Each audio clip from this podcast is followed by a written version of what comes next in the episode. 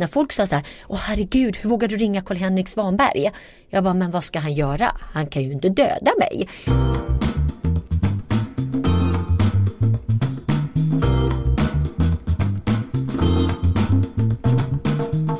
Du lyssnar på premiäravsnittet av podden Min första miljon. En intervjupodd om drivkraft och pengar med mig, Sara Brännström och min kollega Joel Dahlberg. Vår första gäst, hon tjänade en rejäl hacka när hon sålde sitt livs skapelse. Hon har ett fastighetsbolag, ett investmentbolag och hon bygger barnhem i Syrien. Och så säljer hon sina gamla mobiler till sina barn. Sin första miljon, den tjänade Gunilla von Platen när hon var 20 år. Först några spartips från poddens sponsor.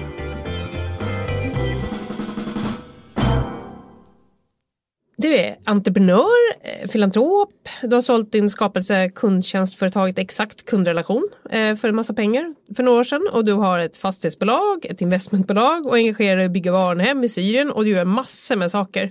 Om du beskriver själv, vem är du? Nej, men jag skulle nog säga att jag är en entreprenör eh, ut i fingerspetsarna, definitivt. Jag älskar att skapa nya affärer, nya möjligheter och se egentligen möjligheter där många ser hinder. Det skulle jag nog säga är eh, vem jag är. Men när du gör så här otroligt mycket saker, vad är viktigast? För mig är mötet med människorna, det är min stora passion. Det är det verkligen och det spelar ingen roll om det har med mitt entreprenörskap att göra eller med den filantropiska sidan när man ser att man verkligen kan göra skillnad. Men mötet med människor, det ger mig så enormt mycket energi. Det är nog det viktigaste. Har du alltid varit så driftig? Ja, det kan man väl säga till mina föräldrars stora förtvivlan så har jag varit det för att jag insåg redan som sexåring att om jag ska få någonting här i livet då måste jag skaffa det själv. Så att som sexåring så lärde jag mig tjäna mina egna pengar så att jag kunde köpa min lördagsgodis. Det var enda sättet att få någonting. Och sen har det fortsatt så i, i, i hela mitt liv. Ja, men I skolan var det jag som gjorde alla insamlingar i klassen och såg till att vi hade pengar till klassresor och, och sen har det fortsatt hela livet. Men eh, hur var du när du var yngre? Hur var du på gymnasiet? På gymnasiet var jag en väldigt olycklig elev faktiskt för att jag hade en enorm kulturkrock i min familj eh, där vi inte riktigt förstod varandra. Jag hade ju tävlingssimmat fram till gymnasietiden och där var jag tvungen att sluta till exempel tävlingssimma för det var inte lämpligt att en tjej skulle visa sig i baddräkt. Idag går min mamma själv och simmar men då förstod hon inte bättre. Eh, och sen så har jag alltid kämpat med pluggandet men jag var inte bäst i klassen. Jag var inte naturliga plugghästen så jag fick slita hårdare än de andra. Så jag fick ju bra betyg men jag fick slita hårt för de där betygen. Var det viktigt för dig att vara duktig? Ja, det var jätteviktigt för mig. Jag är uppvuxen med sex bröder och vi tre flickor. Och i min familj så var det killarna som var mammas ögonstenar och inte vi tjejer. Och därför var det oerhört viktigt för mig att visa för min mamma att jag duger minst lika bra som mina bröder, om inte ännu bättre. Och det har varit en enorm drivkraft i hela mitt liv att jag ska bevisa för min mamma att jag duger. Nu är jag ju 46 år så att jag hoppas att jag bevisat färdigt nog. ja, jag tror att alla vi driftiga personer som är nästan överdriv, överdrivet driftiga på något sätt har någonting vi ska bevisa för någon på något sätt. Och för mig har det varit min mamma. Så hon skulle älska dig lite extra eller? Nej, hon skulle älska mig lika mycket. Inte extra, men att lika mycket. Att jag dög lika mycket. Men det gjorde jag ju aldrig. För att jag kan ju aldrig bli en kille. Så att där misslyckas jag jämt. Och det spelar ingen roll om jag slog nya rekord och var ännu bättre på mitt jobb eller ännu bättre i skolan. Så, så dög det ju aldrig riktigt till. Men det har också varit en enorm drivkraft i hela mitt liv. Jag menar när jag började min riktiga karriär på Skandia försäkringsbolaget min chef kom till mig och sa att Gunilla, det här är de kraven vi har på dig och jag tänkte okej, okay, lilla gubben, du ska få se vilka krav jag har på mig själv. De var ju fem gånger högre än hans krav.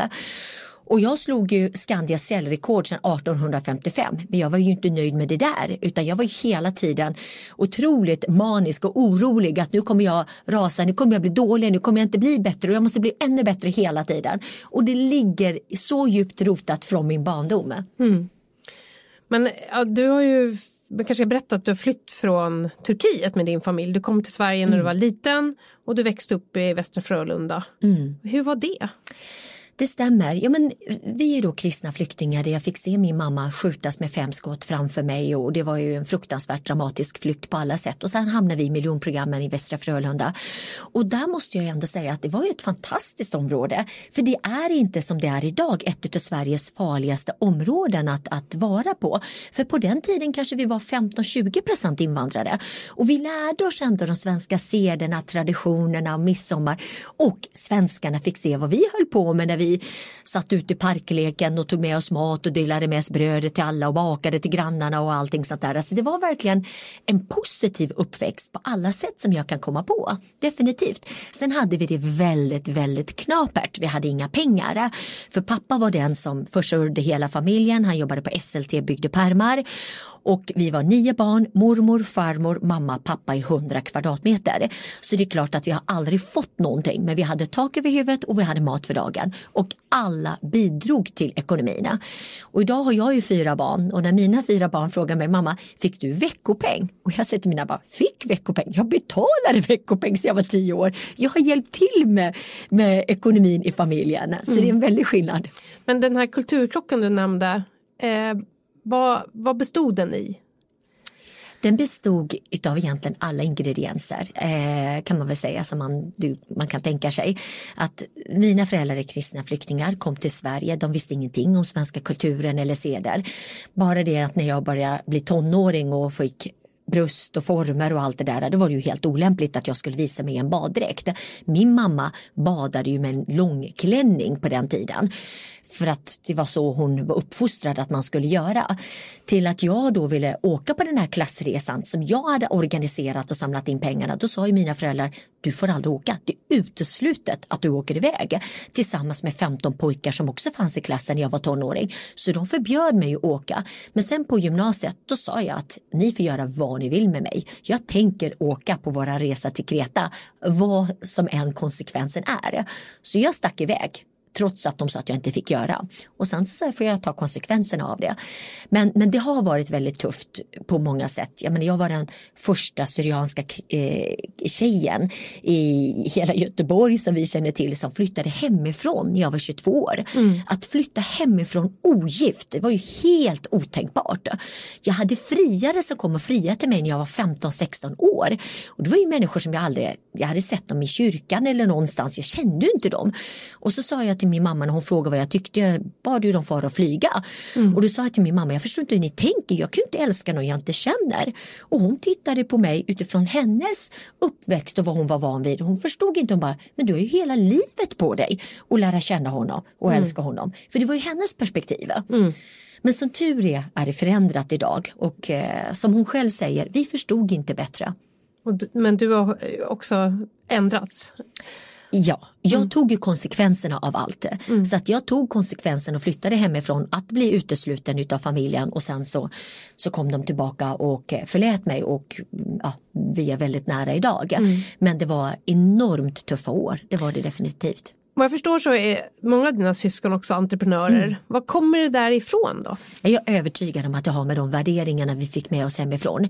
För våra föräldrar var det väldigt viktigt att vi skulle göra rätt för oss.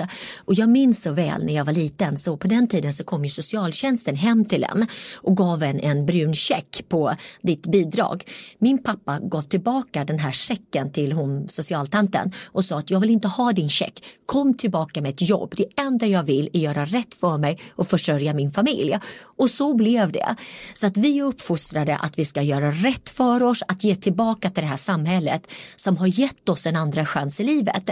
Och det sitter så otroligt djupt rotat i oss allihopa. Mm. Det är verkligen så. Så att våra föräldrars värderingar som vi inpräntade i vi har aldrig knorrat eller gnällt eller någonting utan vi har kavlat upp armarna allihopa. Sen en sak också som vi kan addera till det, det är att vi alla har hållit på med en sport alla mina syskon hade en sport och det var ju tack vare min storebrors förtjänst att han tyckte att det var viktigt. Han var ju i Västra Frölunda, en syster var gymnast, en bror var svensk mästare i judo, en i karate, jag tävlingssimmare. Vi hade alla våra sporter. Så sporten är ju också väldigt bra kring de här drivkrafterna och tävling och hela den biten. Mm. När du flyttade hemifrån så mm. var ju inte det jättepositivt vad jag förstår då. Nej. Men du började som säljare på Skandia. Mm. Kunde de inte vara nöjda med dig då? Då fick du ett jobb. Ja, men det var ju inte det, var ju inte det egentligen de ville. De ville ju helst att jag skulle gifta mig och skaffa massa barn. Då hade jag varit som accepterad. Sen att jag då skaffar ett jobb och gör kometkarriär. Mm. Det var ju inte det de ville för jag jobbar ju jämt precis som jag gör nu. Det var ju inte det som mamma såg som en förebild, en person som jobbade jämt, än mindre en kvinna som gjorde det. Var det ett drömjobb? Ja, faktiskt så var det en, en, en, jag hamnade på det av en slump för att jag skulle bli advokat och spöskitade min storebror som var min mammas absoluta ögonsten. Och så kom jag in på juristlinjen men jag, jag mådde så dåligt i den här kulturkrocken så jag behövde ta ett sabbatsår. Och då hamnade jag på Skandia och där på Skandia var det en av mina chefer som fick upp ögonen på mig och såg att den där tokstollen i Göteborg, hon förstår inte att man inte får förstöra kodet. Hon förstår inte att man inte får sälja så eller jobba så hårt. Och, och då frågade de mig på den tiden, det här var jättetidigt 91-92, Björn Wollrat hade varit över i USA och sett att telemarketing hade vuxit jättemycket. Och i Sverige visste vi knappast vad telemarketing var. Och då frågade de mig om jag ville vara med och bygga upp Skandias telemarktingverksamhet. Och jag var så här, telemarkting, vad är det för någonting? Sälja? Nej, det är inte fint. Vad ska du bli när du blir stor säljare? Det vill jag inte bli, det var ju fint att bli advokat. Men till slut så sa jag så här, okej okay, jag kan ge det här en chans. Så då testade jag det och sen blev jag kvar det här gick ju jättebra så då blev jag ju chef för den här enheten på Skandia som bara växte och växte. Så när jag var 22 år så hade jag väldigt många människor som jobbade under mig som var dessutom dubbelt så gamla som jag. Men då hade du ett jättebra jobb mm. och gjorde karriär. Mm. Vad fick dig att lämna? Jo, det var så att då jag eh, skulle fylla 28 år. Jag hade haft en relation som hade kraschlandat på alla tänkbara sätt. Och mitt i it-kraschen var det här. Jag hade förlorat mina sparade pengar i värdelösa IT-bolag som många andra hade gjort och då tänkte jag så här, okej okay, nu kan inte mitt liv bli jäkligare än så. Nu är det dags för mig att starta mitt egna företag för det hade jag bestämt mig som ung att jag ska bli egen. Det är hela min målsättning och när jag jobbade på Skandia så byggde jag den här enheten som att den var min egna enhet och det var väldigt viktigt för mig. Så då tog jag allt jag hade kvar jag sålde mitt hus och hem och möbler och allt. Satsade i aktiekapitalet i bolaget, flyttade från Göteborg till Stockholm för att här är alla huvudkontor. Så att jag insåg att ska man vara någonstans så måste man vara i Stockholm för de flesta huvudkontoren är här. Och sen flyttade jag upp hit och jobbade bokstavligen dygnet runt för att bygga upp mitt företag Exakt kundrelation. Vänta, vänta, nu måste jag bara backa lite, ja. men när visste du att du skulle bli en entreprenör? Det visste jag som liten. Jag har när alltid, då? Nej, men jag tror att när jag gjorde mina första affärer, när jag gick till glassbilen som sexåring och insåg att jag kan köpa en glasspinne för 50 öre pinnen och sen kan jag springa snabbt, jag var snabb som bara den och sälja den för dubbla priset för en krona. Det var ju business, så jag lärde mig tidigt att göra affärer för det var ju en överlevnadsinstinkt, det var ju enda sättet att få någonting. Så där insåg jag att jag kommer alltid klara mig själv och skapa mina egna förutsättningar för det är ingen som kommer göra det för mig. Jag har inga rika vänner, jag har inga rika föräldrar, jag har inget nätverk som kan hjälpa mig utan jag måste fixa det där själv. Men du kunde ju ha varit kvar på Skandia och fortsatt ja. vara lycklig där. Så är det och jag tror att många stannar faktiskt vid det att man har en trygg anställning, man har en väldigt bra lön, ersättningar, pensioner och det var faktiskt så att min chef från Stockholm åkte ner till Göteborg och sa att du får inte sluta för jag såklart var värdefull för dem i och med att jag genererade var ju Skandias mest lönsamma säljorganisation på den tiden. Vad kan vi göra för att få det att stanna kvar? Så att det finns ingenting ni kan göra. Det finns inget jobb utan jag tänker satsa allt jag äger och har och nu ska jag ut och starta eget företag. Varför var det så viktigt?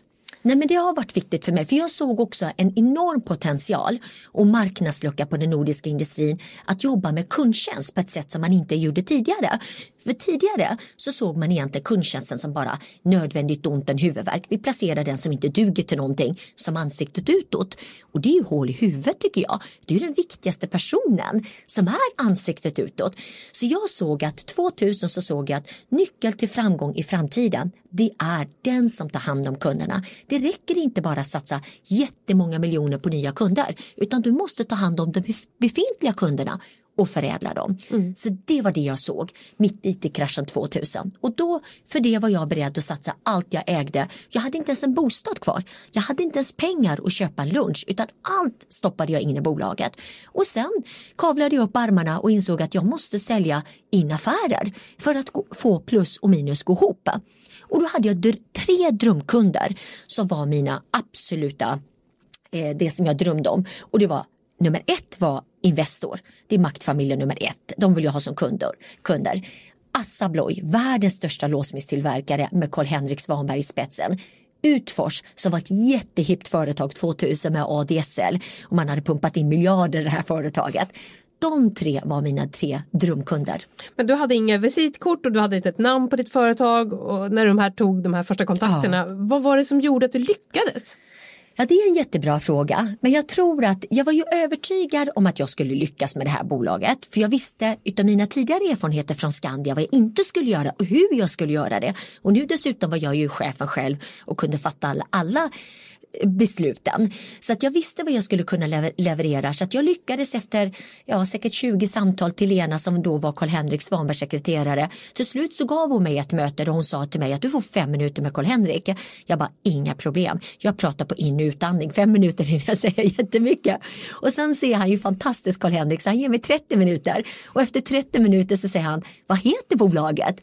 Och jag var så här, jag har inget namn. Jag vet ju vad jag ska leverera. Jag kan heta vad du vill, bara du blir kund till mig.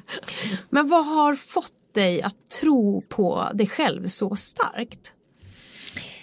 Återigen så har det nog med min bakgrund att göra, var jag kommer ifrån. Om man som ett litet barn har sett sin mamma bli skjuten med fem skott och växa upp på det sättet som jag hade växt, vuxit upp. Ha en farmor som överlevde 1915 när man mördade två miljoner kristna varav min farmors familj blev utplånad framför henne. Hon gömde sig i en sinad brunn och har vuxit upp med de här historierna. Då är det väldigt få saker som skrämmer dig i livet. Så att för mig var det så att när folk sa så här, åh herregud, hur vågar du ringa Karl-Henrik Svanberg? Jag bara, men vad ska han göra? Han kan ju inte döda mig. Han kan ge mig ett nej. Ett nej idag och inte ett nej imorgon. Och så tog jag det med ett leende och så ringde jag nästa dag och nästa dag. Så att jag tror att det är det som har präglat mig väldigt mycket. Att jag är, jag är orädd. Och för mig, att misslyckas i mitt företag, det var inte ett alternativ. För då skulle jag i princip bli uteliggare för jag hade inte en krona kvar. Och det var bara kämpa. Jag, jag dog hellre än att misslyckas. Men du ger aldrig upp, men hur blir man en sån? Det är en mycket bra fråga. Hur blir man en person som inte ger upp? Jag tror att du måste ha vissa egenskaper som person. Det är samma sak som folk frågar mig. Kan man utbilda någon till entreprenör? Nej, det kan du faktiskt inte. Det är min fulla övertygelse. Du kan ge en person en kunskap, men jag kan inte ge dig egenskaper. Du måste ha vissa egenskaper med den här där du ser möjligheter där andra ser hinder. Ha den här jäkla anamma att aldrig ge upp. Du springer in i den väggen och så byter du håll och så springer du åt det andra hållet sedan. När alla är, är trygghetsnarkomaner narkomaner så är du inte en trygghetsnarkoman. Det är ju det som gjorde att jag vågade hoppa från det här stupet helt i det okända. När jag flyttade upp till Stockholm då kände jag Lena och Ulf Adelsohn, för Lena hade skrivit en bok tidigare om svenska invandrare som har lyckats i Sverige trots sin invandrarbakgrund och då var jag med i den boken. De kände jag men jag kunde inte klamra mig på dem hela tiden och när jag kom till Skellefteå så kände jag inte en kotte de kallade mig för främmande fågeln, det är samma sak som svartskallen där uppe. Så det var verkligen att börja från scratch och inte ha ett, ett, alltså inte en enda person i sitt nätverk. Och det var ju jättetufft, det var jättemycket tårar. När jag kom till Skellefteå första gången, det var ju som värsta vintern, det var minus 35 grader. När jag kom till flygplatsen, jag gick ut från flygplatsen och det var så kallt så jag fick så mycket tårar i ögonen så jag blev istappad av ögonfransarna. Och jag grät, jag ringde min bästa väninna och sa, vad har jag gjort med mitt liv? Jag har sålt mitt hus och hem, jag har stoppat in allt i det här bolaget och de hatar mig här uppe. Det var hemskt. Men det var där du hade din eh, Ja, det var där jag startade. Mm. Exakt. För jag sökte ju då ett lån på 7 miljoner så jag gick till alla storbanker och sa att här är jag, jag ska starta det här företaget, jag ska bli bäst i världen på kundtjänst och de skrattade åt mig allihopa och frågade mig när kommer han som bestämmer? Och jag hade tagit på mig knutblusen och glasögonen, allt för att se klokare och, och äldre ut men det var ingen som trodde på mig. Men till slut så hittade jag ett fastighetsbolag uppe i Skellefteå där Lorentz Andersson som var kommunalrådet satt också i styrelsen för det här fastighetsbolaget och jag behövde 7 miljoner i lån. Och då sa han till mig, för jag valde mellan Skellefteå och Umeå, då sa han att om du väljer Skellefteå då får du ett lån här hos oss. Och det var mitt startkapital utöver min egna miljon som jag hade i bolaget. Mm. Den här podden heter ju lämpligt Min första miljon. Minns du hur du tjänade din första miljon? Absolut kommer aldrig glömma av och jag tittade på bankkontot på de här nollorna räkna. Är det sant? Stämmer det? Eh, jag var faktiskt 20 år när jag hade tjänat ihop min första miljon.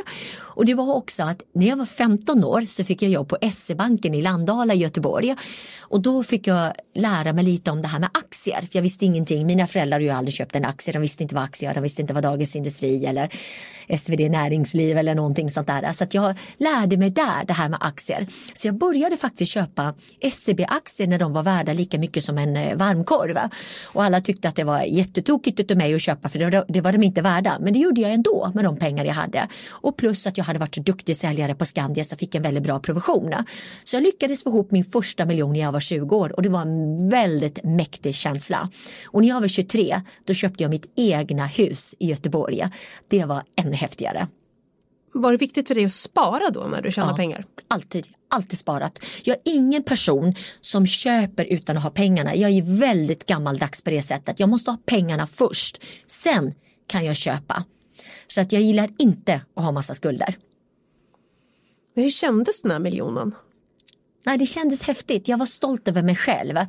Det var verkligen en, en bekräftelse på ett hårt arbete. För det var verkligen ett enormt hårt arbete i och med att jag har jobbat i hela mitt liv. Jag har jobbat varenda skollov, varenda fredagkväll, varenda lördag, varenda söndag.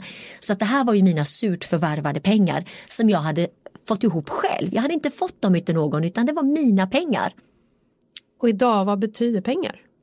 Pengar betyder en frihet såklart, men när jag startade mitt företag Exakt kundrelation så startade inte jag det för att jag skulle tänka att åh, jag ska bli rik, utan för mig var det jätteviktigt att bevisa att jag kan bygga någonting som ingen annan hade gjort tidigare och jag kan göra det bättre än de tidigare. Så det var för mig den stora drivkraften. Sen om du är duktig, då kommer ju pengarna som en belöning på köpet, men det har aldrig varit min drivkraft. Men idag är det inte viktigt alls. Nej, men det är klart att det är viktigt att, att ha pengar för det ger mig en frihet. Men det är inte så jag gör affärer. Jag tänker inte att åh, nu ska jag göra det här för att jag ska tjäna de här pengarna. Utan jag drivs otroligt mycket av passion i det jag gör. Och är du tillräckligt passionerad och kan ditt område då blir det som automatiskt att pengarna kommer som belöning. Det är som ett kvitto på ett hårt arbete. Men vad motiverar dig då? Motivationen i sig är att du kan göra förändring, att du kan göra skillnad. Jag menar när jag startade mitt bolag, när jag sa att jag kommer gå tvärt emot hela branschen, där satt ju killarna i min branschförening och skrattade ihjäl sig och sa att hon får tre månader på sig. För jag sa att jag ska rekrytera de bästa medarbetarna, jag ska ha högsta kvalitet, jag ska starta en ort som inte bidrag, jag ska bygga på det här sättet, jag ska skapa mervärden. Ingen hade gjort det tidigare och de satt ju och hånade mig. Och då sa jag så här, sitt ni där grabbar och skratta så jag är ute och tar era kunder under tiden. För jag vet att jag kan det här. Så det är för mig en drivkraft. Om någon säger till mig att det där inte går, då kommer jag bevisa att det där går visst. Du kan ju förstå vilket bränsle det blev när de satt och slog vad. Att jag, hur många månader jag skulle på mig innan jag gick i konkurs. Och då har jag satsat allt jag äger och har och skulle bli i princip uteliggare. Jag hade inte ens en bostad. Det var inte ett alternativ, så det var ju bara lyckas. Har du inte någon gång varit väldigt nära att köra helt i diket? Många, många, många gånger. Jag hade då min största kund som då var Utfors som stod för 80% av min verksamhet. Från att vara det hippaste företaget i Sverige till att i princip gå i konkurs dagen efter. Då hade jag 80% av mina medarbetare som jag skulle säga upp och hade en månads uppsägningstid. Jag grät floder, jag var knäckt. Jag kände dem allihopa innan och utan till deras familjer, deras barn, allting. Och sen när jag hade suttit och gråtit tillsammans med min eh, jätteduktiga kollega Fredrik som är min IT-chef så dagen efter så sa jag, nu måste vi tänka smartare, vi måste tänka ännu mer kreativt. Hur ska vi rädda den här situationen? Vi har en månad på oss. Och sen hittade jag ett annat bolag som då hette Bonet som fanns i Umeå. Som jag insåg, de jobbar ju med bredband, så det är liknande. Då kan jag erbjuda dem den här personalen med en snabb övergång. Så i princip en dag innan uppsägningen skulle gå igenom, då lyckades jag få ett kontrakt med Bonet som sen blev Bredbandsbolaget och räddade situationen. Och jag har efter det jag varit jättenära sådana situationer flera gånger. Så att, men samtidigt är det så att de här motgångarna, de har gjort mig ännu duktigare för de har tvingat mig att tänka på ett annat sätt utanför boxen och vara mer kreativ. Men det är klart att när du är där så är det enormt tungt. Det är mycket blod, svett och tårar. Men vad är det som gör att du inte gräver ner dig då i den här ångesten eller vidriga känslan av misslyckande? Det ligger inte i min natur. Det finns inte för mig. Jag kan ju såklart, jag gråter, jag, jag, jag, är helt förtvivlad och knäckt. Men sen så tänker jag att nu måste jag ju hitta en lösning. Det är ju inte ett bra alternativ att lägga sig ner och dö. Utan jag måste försöka tänka positivt i den här situationen. Och det är en styrka som jag har. Jag har ju varit med om det mest vidriga, min barndomsväninna, bästa väninna blir mördad i livet. Jag hade ju där och då, då rasade hela mitt liv, då vill jag ju gå dö. Men då hade hon en son som var fyra år som jag var tvungen att finnas där för. Så det var inte alternativ att gå och dö. Så att det, hela tiden finns det någonting som tvingar mig framåt. Men, så du är alltid så här driven? Ja, till min stackars mans förtvivlan. Så jag har ju investerat i 15 olika bolag. Jag äger ju fortfarande mitt bolag. Det är bara att jag äger det tillsammans med eh, Altor idag. Så jag sålde ju mitt bolag och cashade hem en del och återinvesterat en stor del. Så nu äger vi tillsammans mitt gamla bolag Exakt och Transcom och ett antal andra olika bolag. Så att eh, ja. Du jobbar operativt också då? Absolut i högsta grad. Det är min baby fortfarande. Det är mitt femte barn och det kommer det vara så länge jag har ett delägarskap i det här bolaget. Definitivt. Det är, jag brinner för det varje dag. Men när du tänker så här, men nu är det kört. Vad gör du? Ja, men först gråter jag nog en skvätt. Eh, för jag är ju en känslomänniska. För det är också så här att många tror att vi entreprenörer, vi är bara galenpannor som inte har några känslor eller något. Det har vi visst, vi har nog mer känslor än de flesta. Vi kanske inte visar det alltid på samma sätt. Så efter att jag har gråtit och varit knäckt och kanske pratat med min man och min man är ett fantastiskt stöd. Jag har honom att tacka för så mycket i livet. Så tänker jag sedan dagen efter, okej, okay, nu, vad ska jag göra nu? Hur ska jag tänka annorlunda? Hur ska jag tänka ännu smartare? Vad har jag för nya möjligheter? Så det, det, det är alltid viktigt för mig. Men är det det skulle vara ditt råd då? Att eh, alltid tänka annorlunda? Ja, jag skulle säga så här. Hitta någon som finns där som ett mentalt stöd. Vi behöver alltid någon. Har du inga respektive, ha en mentor. Det skulle jag säga till alla unga människor. Ha någon som finns som ett mentalt stöd och det behöver inte vara en mentor som kan din business utan som kan stötta dig. I alla mina år, jag hade mina utmaningar i Skellefteå och det var problem och det var facket och det var allt möjligt. Då kunde jag komma till Stockholm så hade jag en vän som hette Mats Hansson som var en otrolig person som är kompanjon med Gustav Douglas. Då kunde jag komma till honom fredag och säga så här, okej okay, Gunilla, nu reder vi ut det här. Hur känner du inför det? Vad kan du göra istället? Hur kan du tänka att ha någon bollplank som finns där som sagt var inte behöver sitta i ditt bolag. Det skulle jag ge som ett råd att man har någon extern person. Mm. Men du säger ju att man inte kan ge råd, eller man kan inte bli en framgångsrik entreprenör bara Nej. för att man vill. Utan... Han gav mig energi. Mm. Han gav mig energi i min ledsamhet och bara göra någonting helt annat. Det kunde ju bara vara att vi går ut och tar ett glas vin tillsammans. Nu slutar du tänka på det här bara för ett par timmar. Och de timmarna gav mig en glädje som sen kunde ge mig energi att gå in i min kolgruva igen och jobba ännu hårdare. Mm. Har du några mer tips till någon som vill bli eh, entreprenör? Nej, men jag skulle säga till en entreprenör att du behöver inte uppfinna hjulet. Copy med pride. Jag menar, Steve Jobs han uppfann ju faktiskt inte iPhonen utan han förpackar den smartare och skapade ett behov som inte vi visste att vi hade. Sen måste man göra sin hemläxa, man måste kunna marknad och försäljning. Kan du inte försäljning då är det väldigt svårt att lyckas med ett bolag. Det räcker inte att som i dagens appar och allt att du har 10 000 gratisanvändare eller 100 000 gratisanvändare. Du måste kunna sälj och marknad och generera intäkter annars är det svårt att få ekonomin att gå ihop. Och sen skulle jag också säga att komplettera din kunskap med någon som har det du inte har. Ja, men I mitt fall, jag är inte tekniker. Då hittade jag en kille som heter Fredrik som är fantastisk som kompletterar mig med tekniken. Så där är också viktigt att hitta dem som kompletterar dig med din kompetens. Men du investerar ju också i andra bolag. Vad krävs för att få dina pengar? Ja, först så krävs det att du faktiskt själv investerar dina pengar. För att om du kommer till mig och säger att jag vill att du ska investera mina surt förvärvade pengar så vill jag ju veta att du själv tar den risken och att du har pansat ditt hem eller vad det nu kan vara. För du tror så starkt på ditt företag och din idé. Det är jätteviktigt för mig. Och sen självklart att du har gjort din hemläxa, att jag ser att du har en bra eh, affärsplan, en bra analys, ett bra tankesätt hur du ska få igång försäljningen och marknad, eh, medarbetande och de bitarna. Det är jätteviktigt. Men för mig är avgörande avgörande personen, egentligen inte vilket område. Du kan egentligen hålla på med vad som helst. Det är personen bakom som är det viktiga. Och sen för att lyckas som entreprenör så är det genomförandet som är A och O. Men hur vanligt är det då att för eh, människor ber om pengar som inte ens har stoppat in sina egna? Väldigt vanligt. Mycket mer vanligt än vad man kan tro faktiskt. För de tror att jag kan bara gå till någon annan investerare som stoppar in sina pengar. Men då ska du inte komma till mig. Händer det då att människor investerar i sådana bolag tror du? Jag tror att en, en van investerare inte gör det om inte det är något väldigt eh, exceptionellt men jag har svårt att se det. Jag skulle ju aldrig personligen göra det. Vad, vad, har du fokus på nu?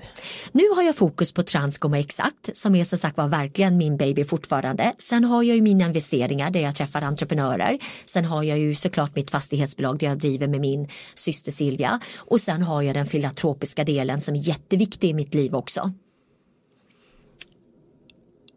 Du blev ju en framgångsrik entreprenör men hur kan du föra vidare det här till dina barn? Kan man lära sig att bli entreprenör?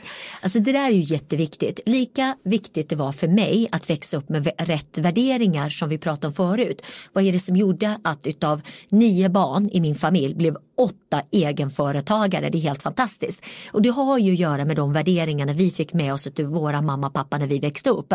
Och, både jag och min man är ganska disciplinerade där med våra barn. Och vill de ha någonting då får de faktiskt skaffa det själva. Och då säger vi till barnen att okej, okay, du vill ha det här Hello Kitty spännet eller vad det kan vara. Det kostar 29 kronor. Hur ska du skaffa de här pengarna? Ja, men du kan hjälpa mig städa, du kan göra det här, du kan gå ut och sälja.